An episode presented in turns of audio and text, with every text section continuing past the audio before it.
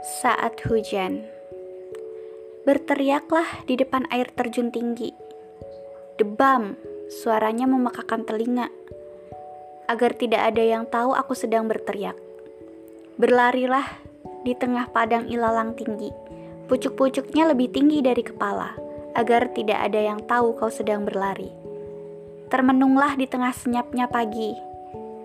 Yang kicau burung pun hilang entah ke mana agar tidak ada yang tahu kau sedang termangu.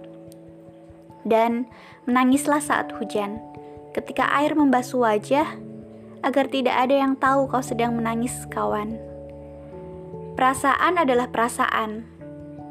Tidak kita bagikan, dia tetap perasaan. Tidak kita sampaikan, ceritakan, dia tetap perasaan. Tidak berkurang satu helai pun nilainya. Tidak hilang satu daun pun dari tangkainya. Perasaan adalah perasaan.